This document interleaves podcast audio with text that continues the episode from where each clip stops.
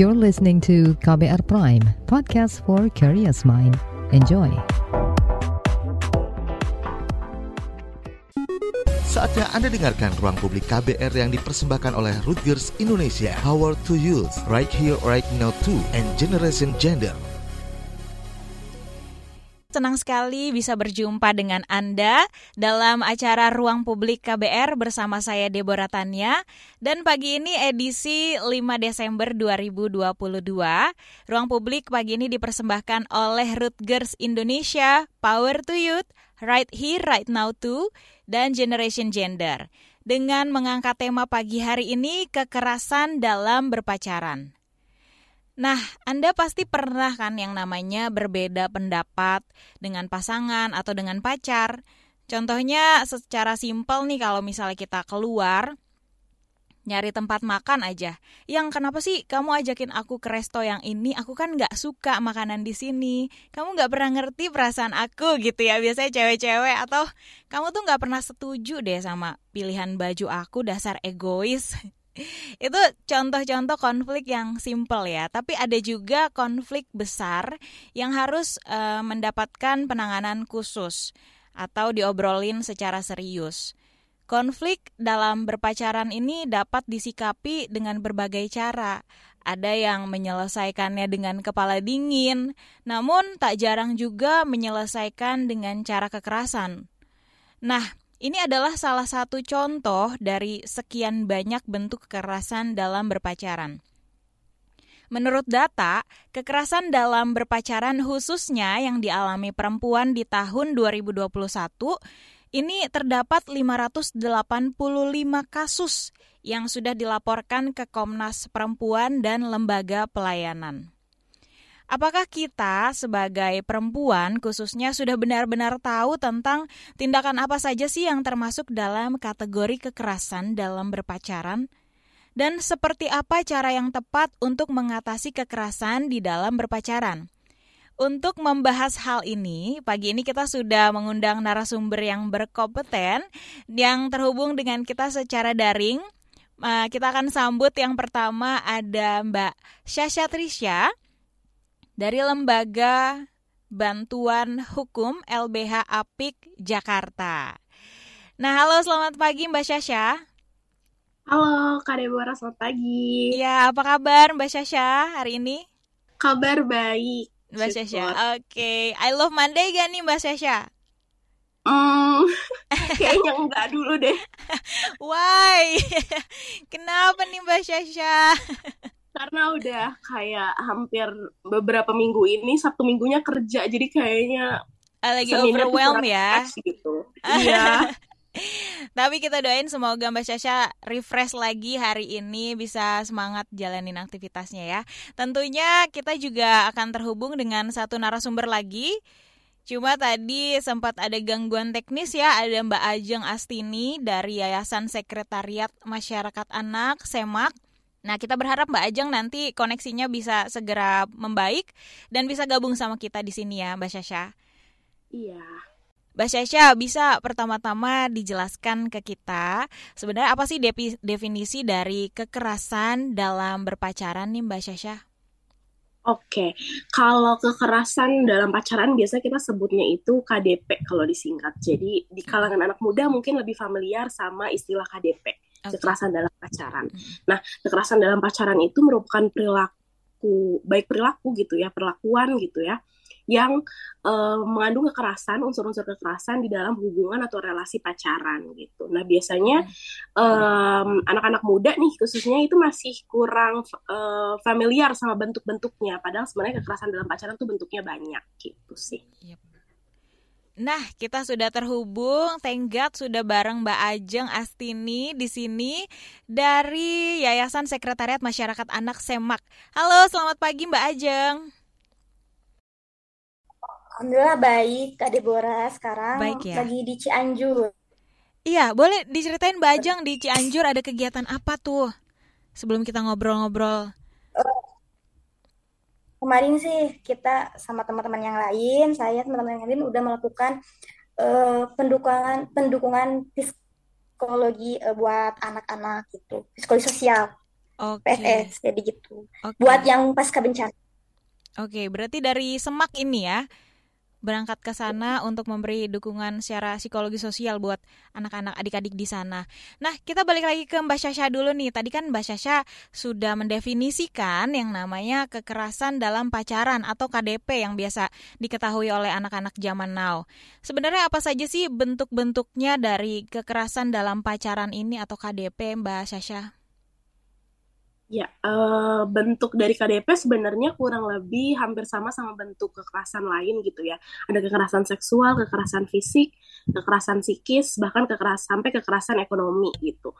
Yang mungkin eh, teman-teman di luar sana masih banyak uh, yang belum aware sama banyaknya bentuk uh, dari KDP ini gitu. Mungkin yang tahu bentuk KDP itu terbatas sama bentuk kekerasan fisiknya aja gitu. Kalau misalkan ada lebamnya itu baru namanya kekerasan, padahal bentuknya banyak banget sih. Hmm, hmm, hmm, nah, bisa didetailin gitu nggak sih, eh, Mbak Syasha? Jadi pendengar kita yang mungkin anak-anak muda ataupun orang tua bisa juga mendapat edukasi nih dari Mbak Syasha tentang bentuk-bentuknya KDP. Oke, okay. kalau bentuk KDP tadi yang pertama aku sebut itu ada kekerasan fisik. Nah, kalau kekerasan fisik ini itu contohnya kayak memukul, mm-hmm. kayak menampar, menendang dan lain-lain ya. Pokoknya ada tindak fisiknya gitu antara uh, satu orang dan orang yang lain dalam hubungan relasi pacaran itu gitu. Mm-hmm. Terus kalau misalkan kekerasan emosional atau kekerasan psikis itu adalah kekerasan yang uh, unsurnya itu seperti mengancam, memanggil dengan sebutan yang mempermalukan, mm-hmm. terus juga mengejek yang membuat uh, korban korban ini terlukanya secara fisik, eh secara psikis. psikis. Selanjutnya ada kekerasan, ya. Selanjutnya ada kekerasan seksual. Nah ini kalau kekerasan seksual itu adalah contohnya seperti um, memeluk atau mencium tanpa konsen. Lalu juga ada kekerasan seksual yang uh, ada penetrasi tapi juga tanpa konsen itu masuk ke kekerasan seksual. Hmm. Yang juga mungkin uh, di dalamnya disertai ada ancaman, terus ada juga uh, apa namanya tindak kekerasan yang uh, psikis tadi gitu ancaman-ancaman pokoknya uh, membuat korban tuh ngerasa terpojokan kayak gitu. Nah terus yang lain itu ada kekerasan uh, ekonomi. Nah kalau kekerasan ekonomi itu kayak meminta atau uh, memaksa pasangannya itu di dalam hubungan pasangan ini untuk uh, mencukupi uh, pasangan yang lain. Kayak misalkan uh, kalau uh, istilah uh, bekennya mah morotin kayak gitu ya. Jadi morotin okay. pasangannya kayak gitu. Terus meminta dengan paksaan harus beliin ini harus beliin itu gitu. Sampai pasangannya ini kayak ngebiayain si pasangannya yang lain kayak gitu. Itu adalah kekerasan ekonomi gitu. Terus sebenarnya ada lagi uh, namanya kayak pembatasan aktivitas atau pengekangan yang kayak gitu yang secara berlebihan yang membuat pasangannya itu merasa tidak nyaman Nah, itu sih yang mungkin familiar nih sama anak-anak zaman sekarang ya, teman-teman hmm. muda gitu ya, bahwa ada tuh uh, pengekangan-pengekangan dari pasangan, cuma memang belum diartikan sebagai kekerasan. Padahal kalau misalkan itu unsurnya udah masuk ke uh, perasaan tidak nyaman, ke rasa apa namanya rasa tertekan gitu ya, secara uh, psikologis nggak nyaman gitu, itu udah masuk dalam uh, bentuk kekerasan gitu. Mm -hmm ternyata cukup luas ya Mbak Syasha. Dan banyak mungkin banyak di luar sana yang belum ngeh gitu. Kalau ternyata apa yang pernah dialami oleh kita misalnya gitu itu ternyata termasuk dalam kekerasan dalam pacaran. Mungkin kita nganggap ini tanda sayang gitu ya dipeluk di depan umum tanpa persetujuan kita. Bah ternyata itu merupakan KDP ya masuknya ya. Kalau kita merasa nggak nyaman kita nggak terima gitu ya. Even walaupun dia pacar kita gitu ya Mbak Syasha ya. Iya betul. Kalau misalnya kita merasa nggak nyaman diperlakukan seperti itu dan itu juga dilakukan tanpa persetujuan kita, itu udah masuk unsur kekerasan. Mm. Nah ke Mbak Ajeng dulu nih dari Semak Mbak Ajeng, apa sih yang upaya yang sudah dilakukan oleh teman-teman Semak nih untuk meminimalisir KDP nih menurut Mbak Ajeng? Mbak Ajeng masih di ya. Oh. Oke, Mbak Ajeng boleh di landscape aja kameranya. Boleh, boleh. Oke, makasih. Eh, ini kelihatan nggak? Kelihatan. Uh, apa aja yang udah dilakuin sama anak-anak atau dari semak. Nah, di sini kita adanya pelatihan, uh, kita udah melakukan dulu pelatihan sebelumnya mengenai KBGS, kekerasan berbasis gender dan seksual. Nah, di sana juga emang uh, kekerasan KDP ini juga emang dibahas, emang termasuk pada jenis-jenis yang tadi emang Kak udah bilang ya, sama kekerasan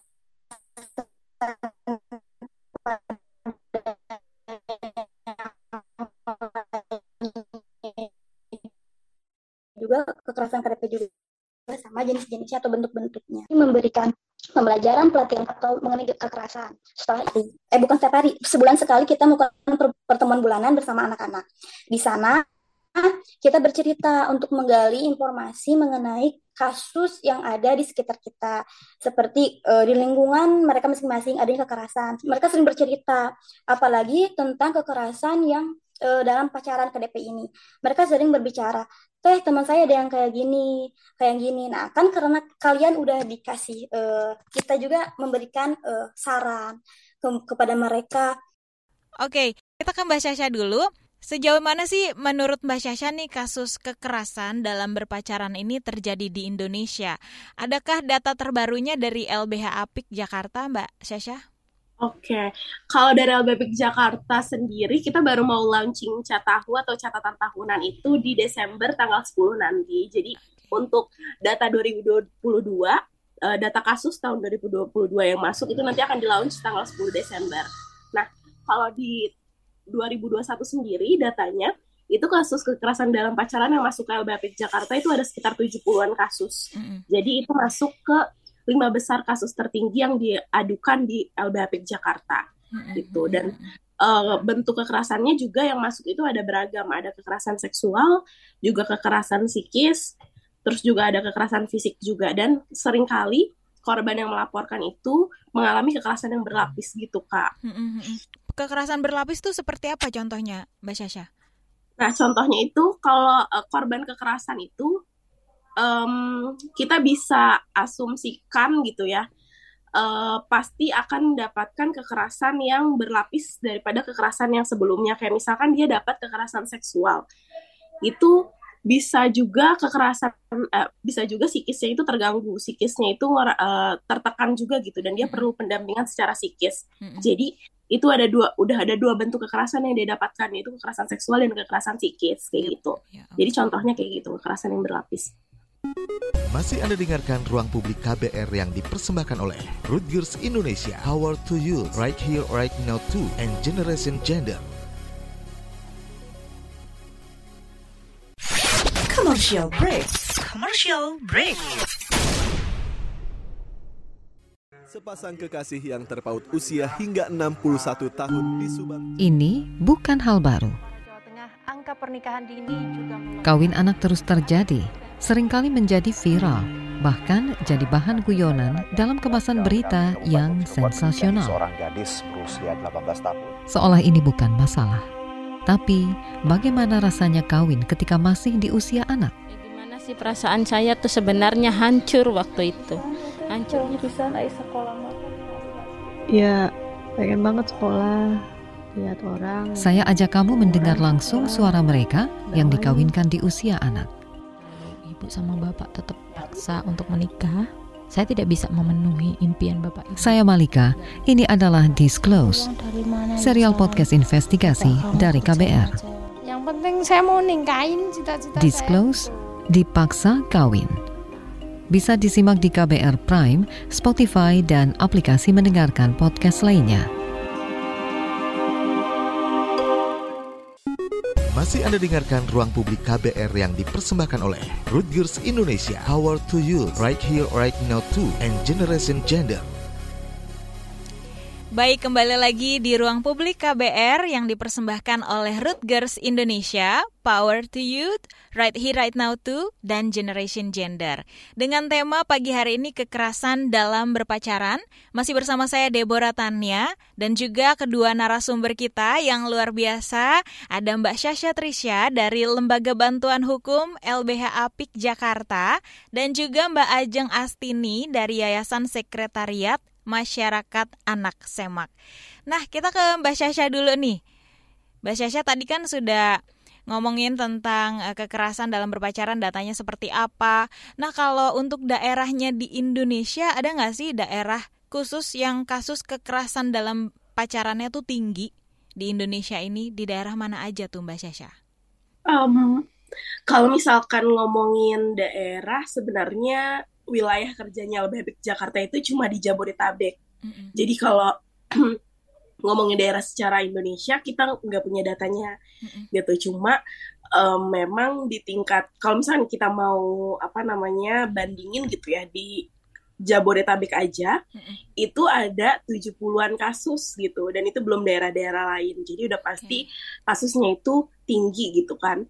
Terlebih lagi kalau misalnya di LBP Jakarta kekerasan dalam pacaran itu masuk di lima kasus tertinggi yang diadukan gitu. Itu baru yang diadukan, okay. belum yang nggak dilaporkan gitu ya. Mm-hmm. Karena banyaknya memang kekerasan dalam pacaran itu um, korban itu enggan melaporkan karena statusnya masih pacaran itu tadi. Terus yeah. biasanya korban itu nggak mau kekerasan yang dialaminya itu di uh, uh, orang tuanya itu tahu. Jadi mm. itu yang membuat juga jarang kasusnya itu dilaporkan ke lembaga bantuan hukum atau bisa sampai ke proses kepolisian kayak gitu. Hmm, hmm, hmm, nah, oke okay, Mbak Syasha dan Mbak Ajeng kita sudah terhubung dengan penelpon. Pagi hari ini ada Rafa dari Jakarta. Halo Mas Rafa. Halo, pagi. Selamat pagi Mas Rafa. Langsung aja mau bertanya dengan Mbak Syasha atau Mbak Ajeng nih? Boleh deh ke dua-duanya nggak apa-apa nanti tinggal dijawab aja yang mana kiranya bisa jawab. Siap Mas Rafa. Silakan okay. untuk pertanyaannya. Oke, izin tanya. Uh, saya mau tanya nih, gimana sih kalau misalnya nanti ada kekerasan dalam berpacaran?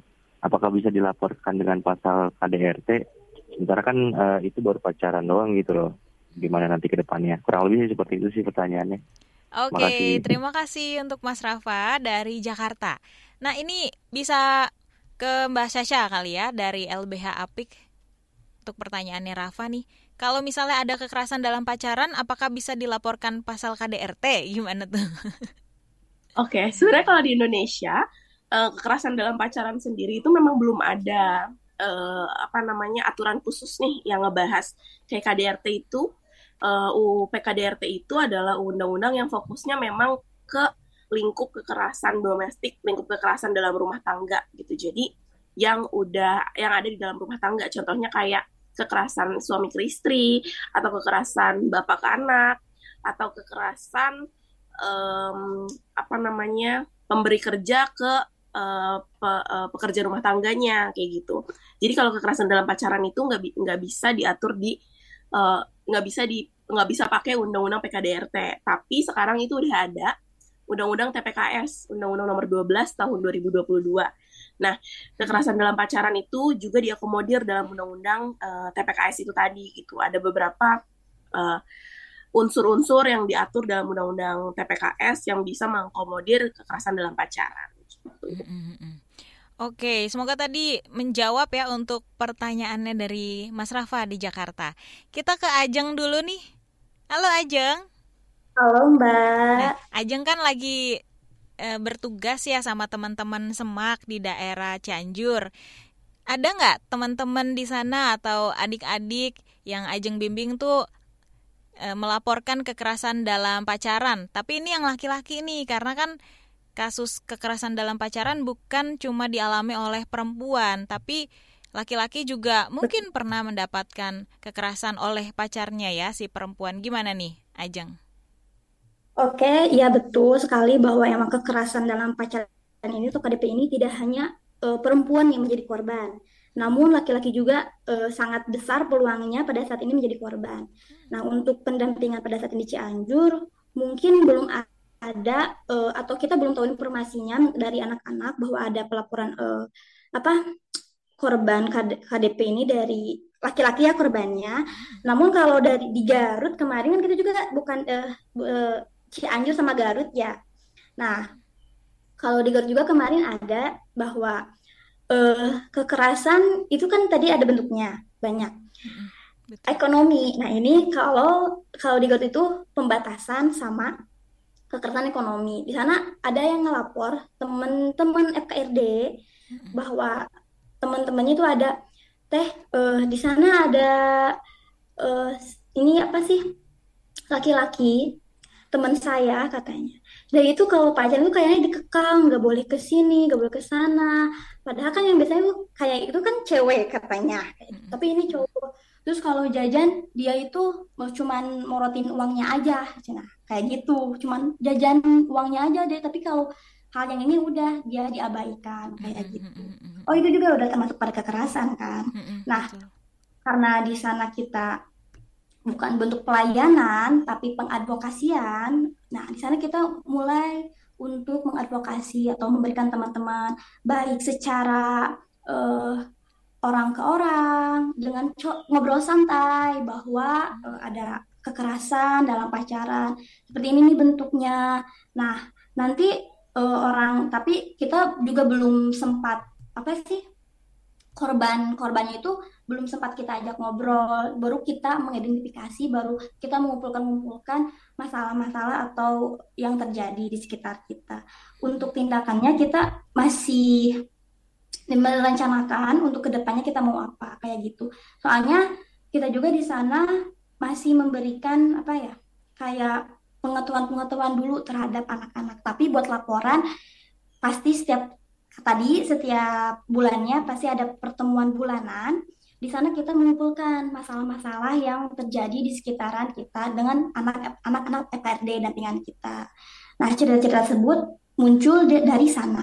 Seperti itu. Untuk pelaporan ada, udah ada, tapi buat uh, penindak lanjutannya kita masih apa ya? Uh, masih kita didiskusikan terlebih dahulu. Soalnya kita pengadvokasian gitu. Hmm, hmm, hmm. Oke, makasih Mbak Ajeng. Nah, kita mau sapa dulu untuk pendengar kita via YouTube Berita KBR. Ada pertanyaan dari Mas Donil. Ini ke Mbak Syasha ya. Ini kalau bicara kekerasan sudut pandang dari pria atau wanita. Karena setiap hubungan selalu ada masalah ya pasti jika komunikasinya nggak cukup. Lalu cara apa yang bisa dipakai untuk memberitahukan pasangan kita nih, Mbak Syasha? Oke, kalau bicara kekerasan itu nggak bicara gender sebenarnya, karena yang tadi seperti itu udah bahas gitu ya. Kekerasan itu bisa dilakukan siapa aja dan korbannya juga bisa siapa aja. Jadi nggak bicara laki-laki, nggak bicara perempuan, tapi bicara kekerasannya gitu ya. Tindak kekerasannya gitu. Nah, tadi pertanyaannya apa yang bisa kita pakai untuk memberitahu pasangan gitu ya? Iya. Um, sebenarnya tadi benar nih kata Mas siapa Mas Donil, Donil ya? ya. Ya kalau misalkan komunikasi itu perlu banget gitu dibangun gitu kan. Kita perlu menciptakan hubungan yang setara, hubungan komunikasi yang tanpa ketakutan, hubungan komunikasi yang terbuka, hubungan komunikasi yang sehat gitu ibarat katanya ya. Jadi nggak ada yang ditutup-tutupin, nggak ada yang disembunyi-sembunyiin, nggak ada yang dipleset-plesetin gitu, kayak di lebih-lebihin atau dikurang-kurangin. Kalau kita komunikasi sama pasangan, jadi komunikasinya clear, jadi kita bisa tahu nih pasangan kita gimana perasaannya, kita juga gimana di hari-hari tuh uh, apa namanya uh, kayak uh, kegiatan yang dilakukan itu gimana dengan cara yang sehat tentunya ya, nggak dengan cara mengekang, hmm. nggak dengan cara menguntit gitu ya. Jadi um, paling kita kok uh, ciptakan komunikasi yang setara tadi, ruang-ruang dalam hubungan yang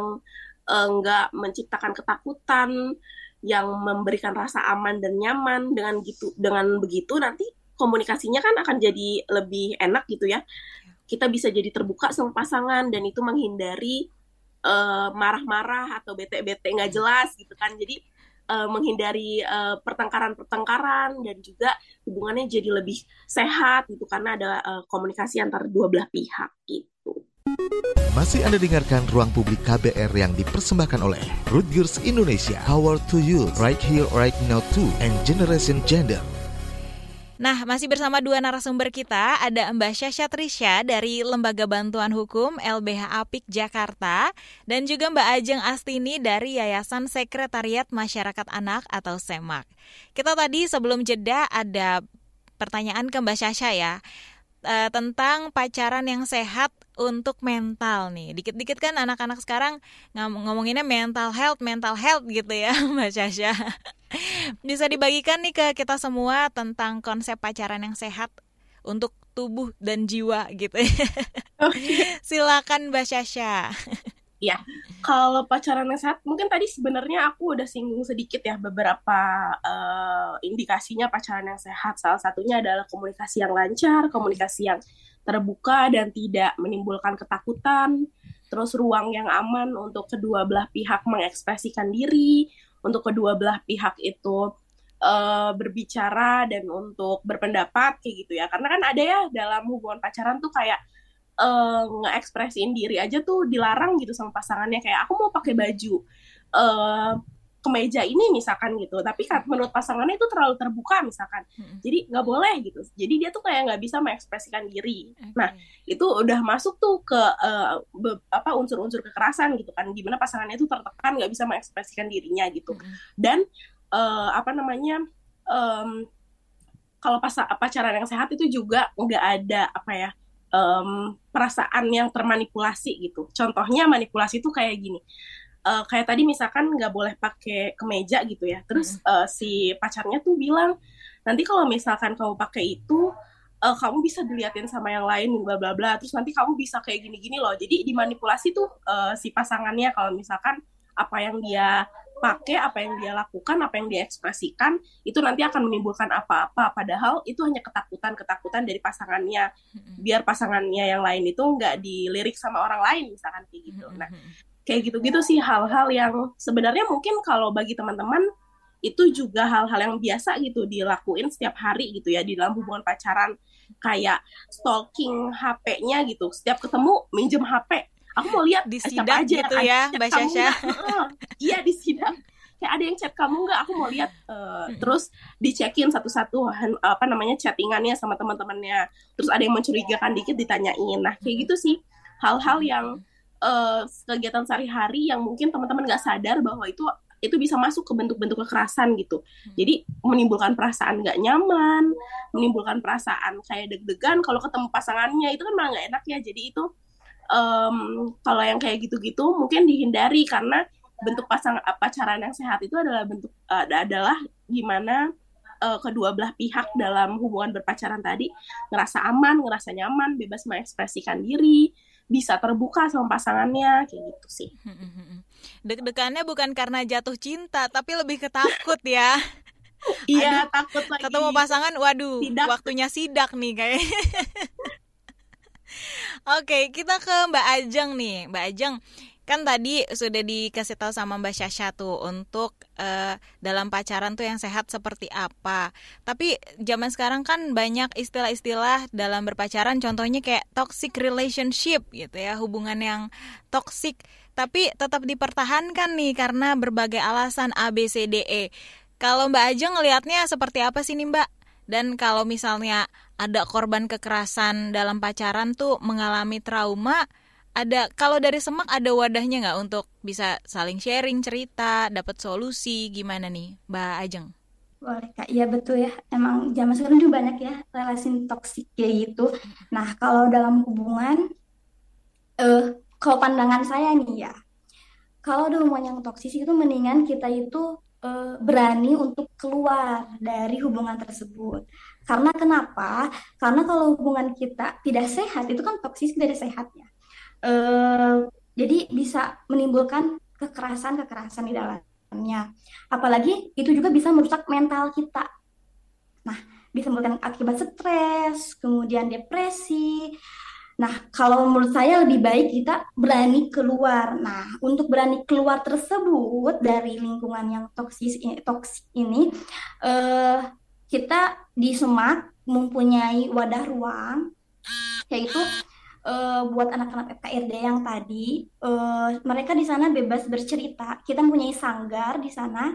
Di sana sanggar sana kita eh, mereka anak-anak atau remaja, orang muda bisa datang ke sana untuk menceritakan keluh kesahnya, bagaimana sih uh, saran, kita memberikan saran. Kemudian kalau emang yang misalnya bukan misal sih, emang parah masalahnya dan uh, kita anak-anak di sana tidak bisa menyelesaikan, kita bantu dia rujuk, bantu dia mendampingi untuk melapor ke uh, TP2 P2 TP2A yang ada di kabupaten. Nah, di sana jadi kita arahkan kepada mereka untuk membutuhkan penanganan penanganan yang profesional kayak gitu kak.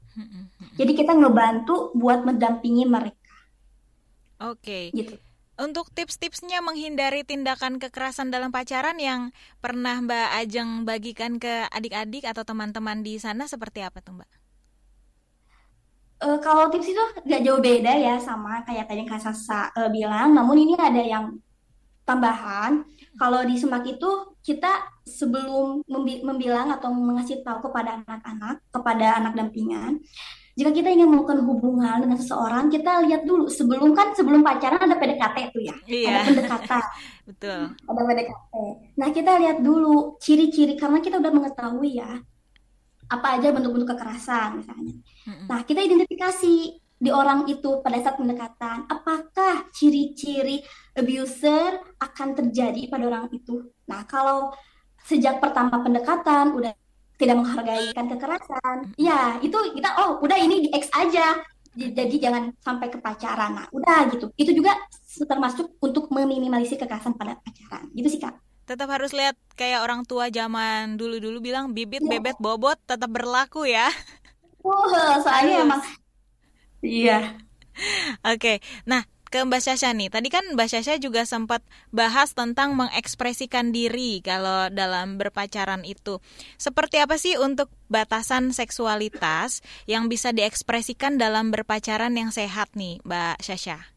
Um, kalau batasan gitu ya, itu pasti akan merujuk ke norma yang ada di lingkungan sekitarnya juga gitu kan. Dan uh, bisa dibilang di setiap uh, kalau ngikutin norma di lingkungan gitu ya, pasti setiap lingkungan tuh punya norma yang beda-beda, punya batasan yang kalau dilihat kayak ah masih oke okay nih, itu pasti punyanya beda-beda gitu kayak perbandingan di desa dan di kota itu juga beda gitu kan uh, norma-normanya yang diatur gitu. Nah tapi kalau batasan-batasan di luar itu kayak mungkin batasan hukum, batasan agama itu juga udah ngomongin beda lagi nih. Jadi kalau ngomongin batasan itu luas banget sebenarnya. Iya. Cuma yang pasti bentuknya itu uh, adalah yang memasukkan unsur tanpa paksaan dan tanpa kekerasan, tanpa manipulasi gitu. Jadi uh, kalau misalkan um, mau melakukan uh, hal-hal antara dua belah pihak itu harus ada persetujuan gitu. Kayak misalkan um, jalan gitu ya berdua jalan ke mall misalkan mau gandengan aja gitu kan harus tanya dulu juga sama pasangannya boleh nggak digandeng gitu kalau nggak boleh nggak mau ya jangan gitu. kalau nggak boleh digandeng digendong boleh kali oke Oke, okay. uh, eh, tadi Mbak Syasha uh, membahas tentang batasan batasan-batasan. Intinya kalau misalnya uh, si salah satu pacar kita setuju itu oke okay, berarti ya. Saling menyetujui satu sama lain ya untuk segala tindakan-tindakan di dalam uh, berpacaran misalnya menggandeng tangan seperti itu. Baik. Ya cuma balik lagi nih kak harus dilihat juga persetujuan itu kadang ada yang di bawah tekanan. Mm -hmm. gitu ada yang mungkin dapat manipulasi gitu makanya um, dalam hubungan itu ada juga yang namanya relasi kuasa itu tadi kan. Mm -hmm kalau misalkan uh, yang satunya itu pasangannya itu lebih uh, lebih punya power, lebih punya kuasa.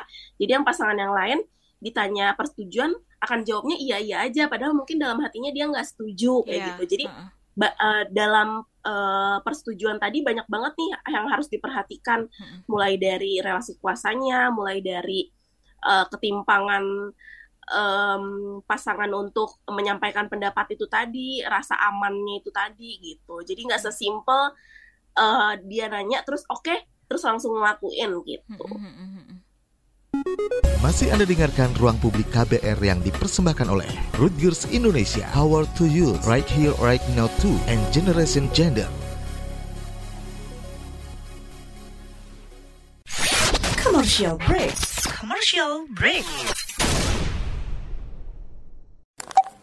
Transfer ke sini udah, bayar ini juga udah. Ke gue udah. Hih, Allah, pertumbuhan ekonomi tuh lagi melambat, persis kayak tabungan gue. Betul banget, harus matang ngelola keuangan. Pengennya tuh investasi sesuatu gitu ya. Apa gitu yang cocok dan menguntungkan. Hmm, coba dengerin uang bicara deh. Gue belakangan lagi dengerin podcast itu di KBR Prime. Reksadana yang tadinya 500 juta udah turun dari 250 juta sekarang 10 ribu. Sama kita ngopi, mahalan mana? Ketika itu ada keputusan yang kayak begitu, investor harus tahu gitu, oh ada keputusan ini berarti implikasinya apa? Orang mungkin perluas literasi kamu lewat podcast Uang Bicara. Uang Bicara menavigasi kamu dengan menghadirkan bahasan-bahasan seru dan populer mulai dari investasi sampai kebijakan. Dipersembahkan oleh KBR Prime dan bisa didengarkan di KBR Prime, Spotify, dan platform mendengarkan podcast lainnya. KBR Prime, podcast for curious mind. Masih Anda dengarkan Ruang Publik KBR yang dipersembahkan oleh Rutgers Indonesia, Power to Youth, Right Here, Right Now 2, and Generation Gender.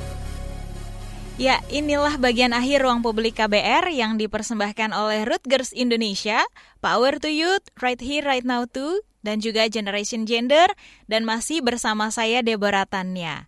Dengan tema pagi hari ini, kekerasan dalam berpacaran.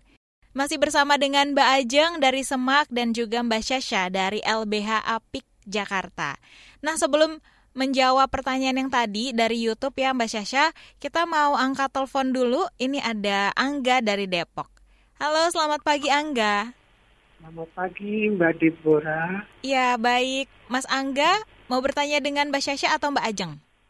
Ya, nanti mau tanya sama Mbak Sasa. Oke, baik. Silakan. Ya, ya uh, ini temanya menarik yaitu tentang kekerasan dalam pacaran. Yep. Nah, eh, yang aku mau tanya, yang aku mau tanyain, eh, bagaimana sih kalau pacarnya itu eh, sesama penyandang disabilitas, misalnya mm-hmm. itu narungu gitu ya. Mm-hmm. Nah, cara menanganinya itu bagaimana ya, Mbak Sasa, untuk pacaran seperti itu? Apakah LBH sendiri sudah pernah menangani belum untuk kekerasan dalam pacaran penyandang disabilitas tunarungu ini. Oke, Itu aja. Terima kasih Mbak Terima Syasha. kasih Mbak Mas Angga dari Depok. Ini pertanyaan ke Mbak Syasha nih, kalau pacaran sesama penyandang disabilitas, tunarungu khususnya, bagaimana cara menanganinya apabila ada permasalahan? Apakah LBH Apik Jakarta pernah mendapat kasus seperti ini? Silakan. Iya, kalau di LBP Jakarta sendiri tahun 2021 kemarin itu uh, ada aduan dari teman-teman disabilitas sih. Ada sekitar kalau nggak salah lima gitu ya, di bawah 10 kasus gitu karena uh, kalau mendampingi teman-teman dengan disabilitas itu punya kekhususan sendiri gitu kan. Kekhususan disabilitasnya gitu. Kita harus menyediakan misalkan juru bahasa isyarat dan lain-lain gitu ya. Jadi um, mungkin teman-teman dengan disabilitas itu udah terkoneksi dengan lembaga layanan lainnya contohnya kayak HWDI ada uh, jaringan LBP Jakarta itu namanya ada namanya HWDI atau Himpunan Wanita Disabilitas Indonesia. Jadi itu uh, mereka juga mendampingi teman-teman dengan disabilitas yang mengalami permasalahan-permasalahan, contohnya juga kekerasan gitu. Nah kalau di LBP Jakarta sendiri uh, pasti kita pada saat pendampingan kasusnya itu kita akan uh, menyediakan juru bahasa isyarat gitu ya atau uh, teman uh, teman dengan uh, pendamping disabilitas yang lain gitu untuk uh, memperlancar proses uh, penanganan kasusnya. Karena pasti kalau misalkan kasusnya ini udah masuk ke tingkat kepolisian dan tingkat uh, apa namanya pelaporan yang lainnya itu pasti juga akan diminta untuk pendamping uh, apa namanya teman disabilitasnya gitu. Jadi nggak bisa langsung dari uh, pendamping hukumnya aja gitu. Oke, nah kita jawab dulu pertanyaan dari YouTube tadi ya yang belum sempat terjawab sebelum jeda. Ini dari Hana Sari, adakah undang-undang tentang usia anak boleh nikah umur 19 tahun atau masih dianggap anak-anak nih? Mungkin kurang sinkron dengan di lapangan. Seperti apa tanggapannya Mbak Sasha? Oke, jadi kalau uh, di undang-undang di Indonesia sendiri batas usia anak itu 18 tahun ya teman-teman semua. Jadi uh, biasanya kalau udah 18 tahun lebih berapa hari dikit itu udah bukan dibilang anak gitu kalau dalam hukum. Nah, uh, untuk usia perkawinan sendiri ini di undang-undang tentang perkawinan gitu ya tahun 2019 itu perbaruan dari tahun 19 1974 kalau nggak salah nanti mungkin teman-teman boleh dicek ke Google-nya masing-masing ya mm-hmm. itu ada usia perkawinan itu 19 tahun baik buat laki-laki maupun buat perempuan gitu. Jadi kalau di bawah usia itu itu nggak bisa uh, menikah di uh, apa namanya uh, KUA gitu. Jadi harus ada uh, perizinan dulu dari um, kementerian apa gitu ya. Jadi pokoknya batas usianya itu 19 tahun gitu. Jadi kalau di bawah itu itu masih dalam kategori usia pernikahan anak atau pernikahan dini gitu. Oke, Mbak Sasha. Kita ke Mbak Ajeng dulu nih. Mbak Ajeng, ini kan tema kita pagi hari ini kekerasan dalam berpacaran atau biasa dibilang KDP ya, kekerasan dalam pacaran. Ini dari e, Mbak Ajeng selaku anggota dari Semak. Harapannya apa sih untuk para pendengar kita khususnya orang-orang muda terkait tema ini? Oke. Nah, aku harap uh, orang muda yang mendengar siaran pada hari ini itu selalu update mengenai isu-isu kekerasan yang terjadi di Indonesia, apalagi khususnya yang terjadi di orang muda itu sendiri. Nah, kemudian juga jangan takut untuk speak up, untuk kita cerita ke orang, tapi kita pilih-pilih yang tepat. Nah, karena emang uh, permasalahan kekerasan ini bukan aib, namun sebuah masalah yang harus kita atasi secara bersama, kayak gitu. Oke, terima kasih dari Mbak Ajeng. Kalau closing statementnya dari Mbak Syasha gimana nih Mbak terkait tema kita pagi ini? Himbauan yes, aku kurang lebih sama sih sebenarnya sama Kak Ajeng untuk uh, jangan lupa um, kalau kamu mengalami atau menurut kamu kayak ini uh, hubungan pacaran kamu tuh kayak udah aneh gitu. Beritahukan ke orang, ceritakan ke orang yang paling kamu percaya, yang kamu bisa cerita tanpa adanya rasa takut kamu tanya ke dia gitu kamu cari validasi dari sosial media sekarang udah banyak informasi mengenai kekerasan dalam pacaran. Terus kalau misalkan kamu yakin kalau kamu dapat kekerasan kamu bisa hubungi lembaga bantuan hukum terdekat yang ada di kotamu kamu bisa cari di carilayanan.com dan juga bisa kunjungi Instagram LBAPIK lbapik.jakarta untuk cari informasi mengenai lembaga bantuan hukum. Dan kamu bisa konsultasi mengenai uh, kasus atau kekerasan yang kamu alami ke lembaga bantuan hukum tersebut. Jangan takut buat, ber, buat bersuara karena kamu nggak sendirian, kita ada di sini untuk mendengar dan menyuarakan.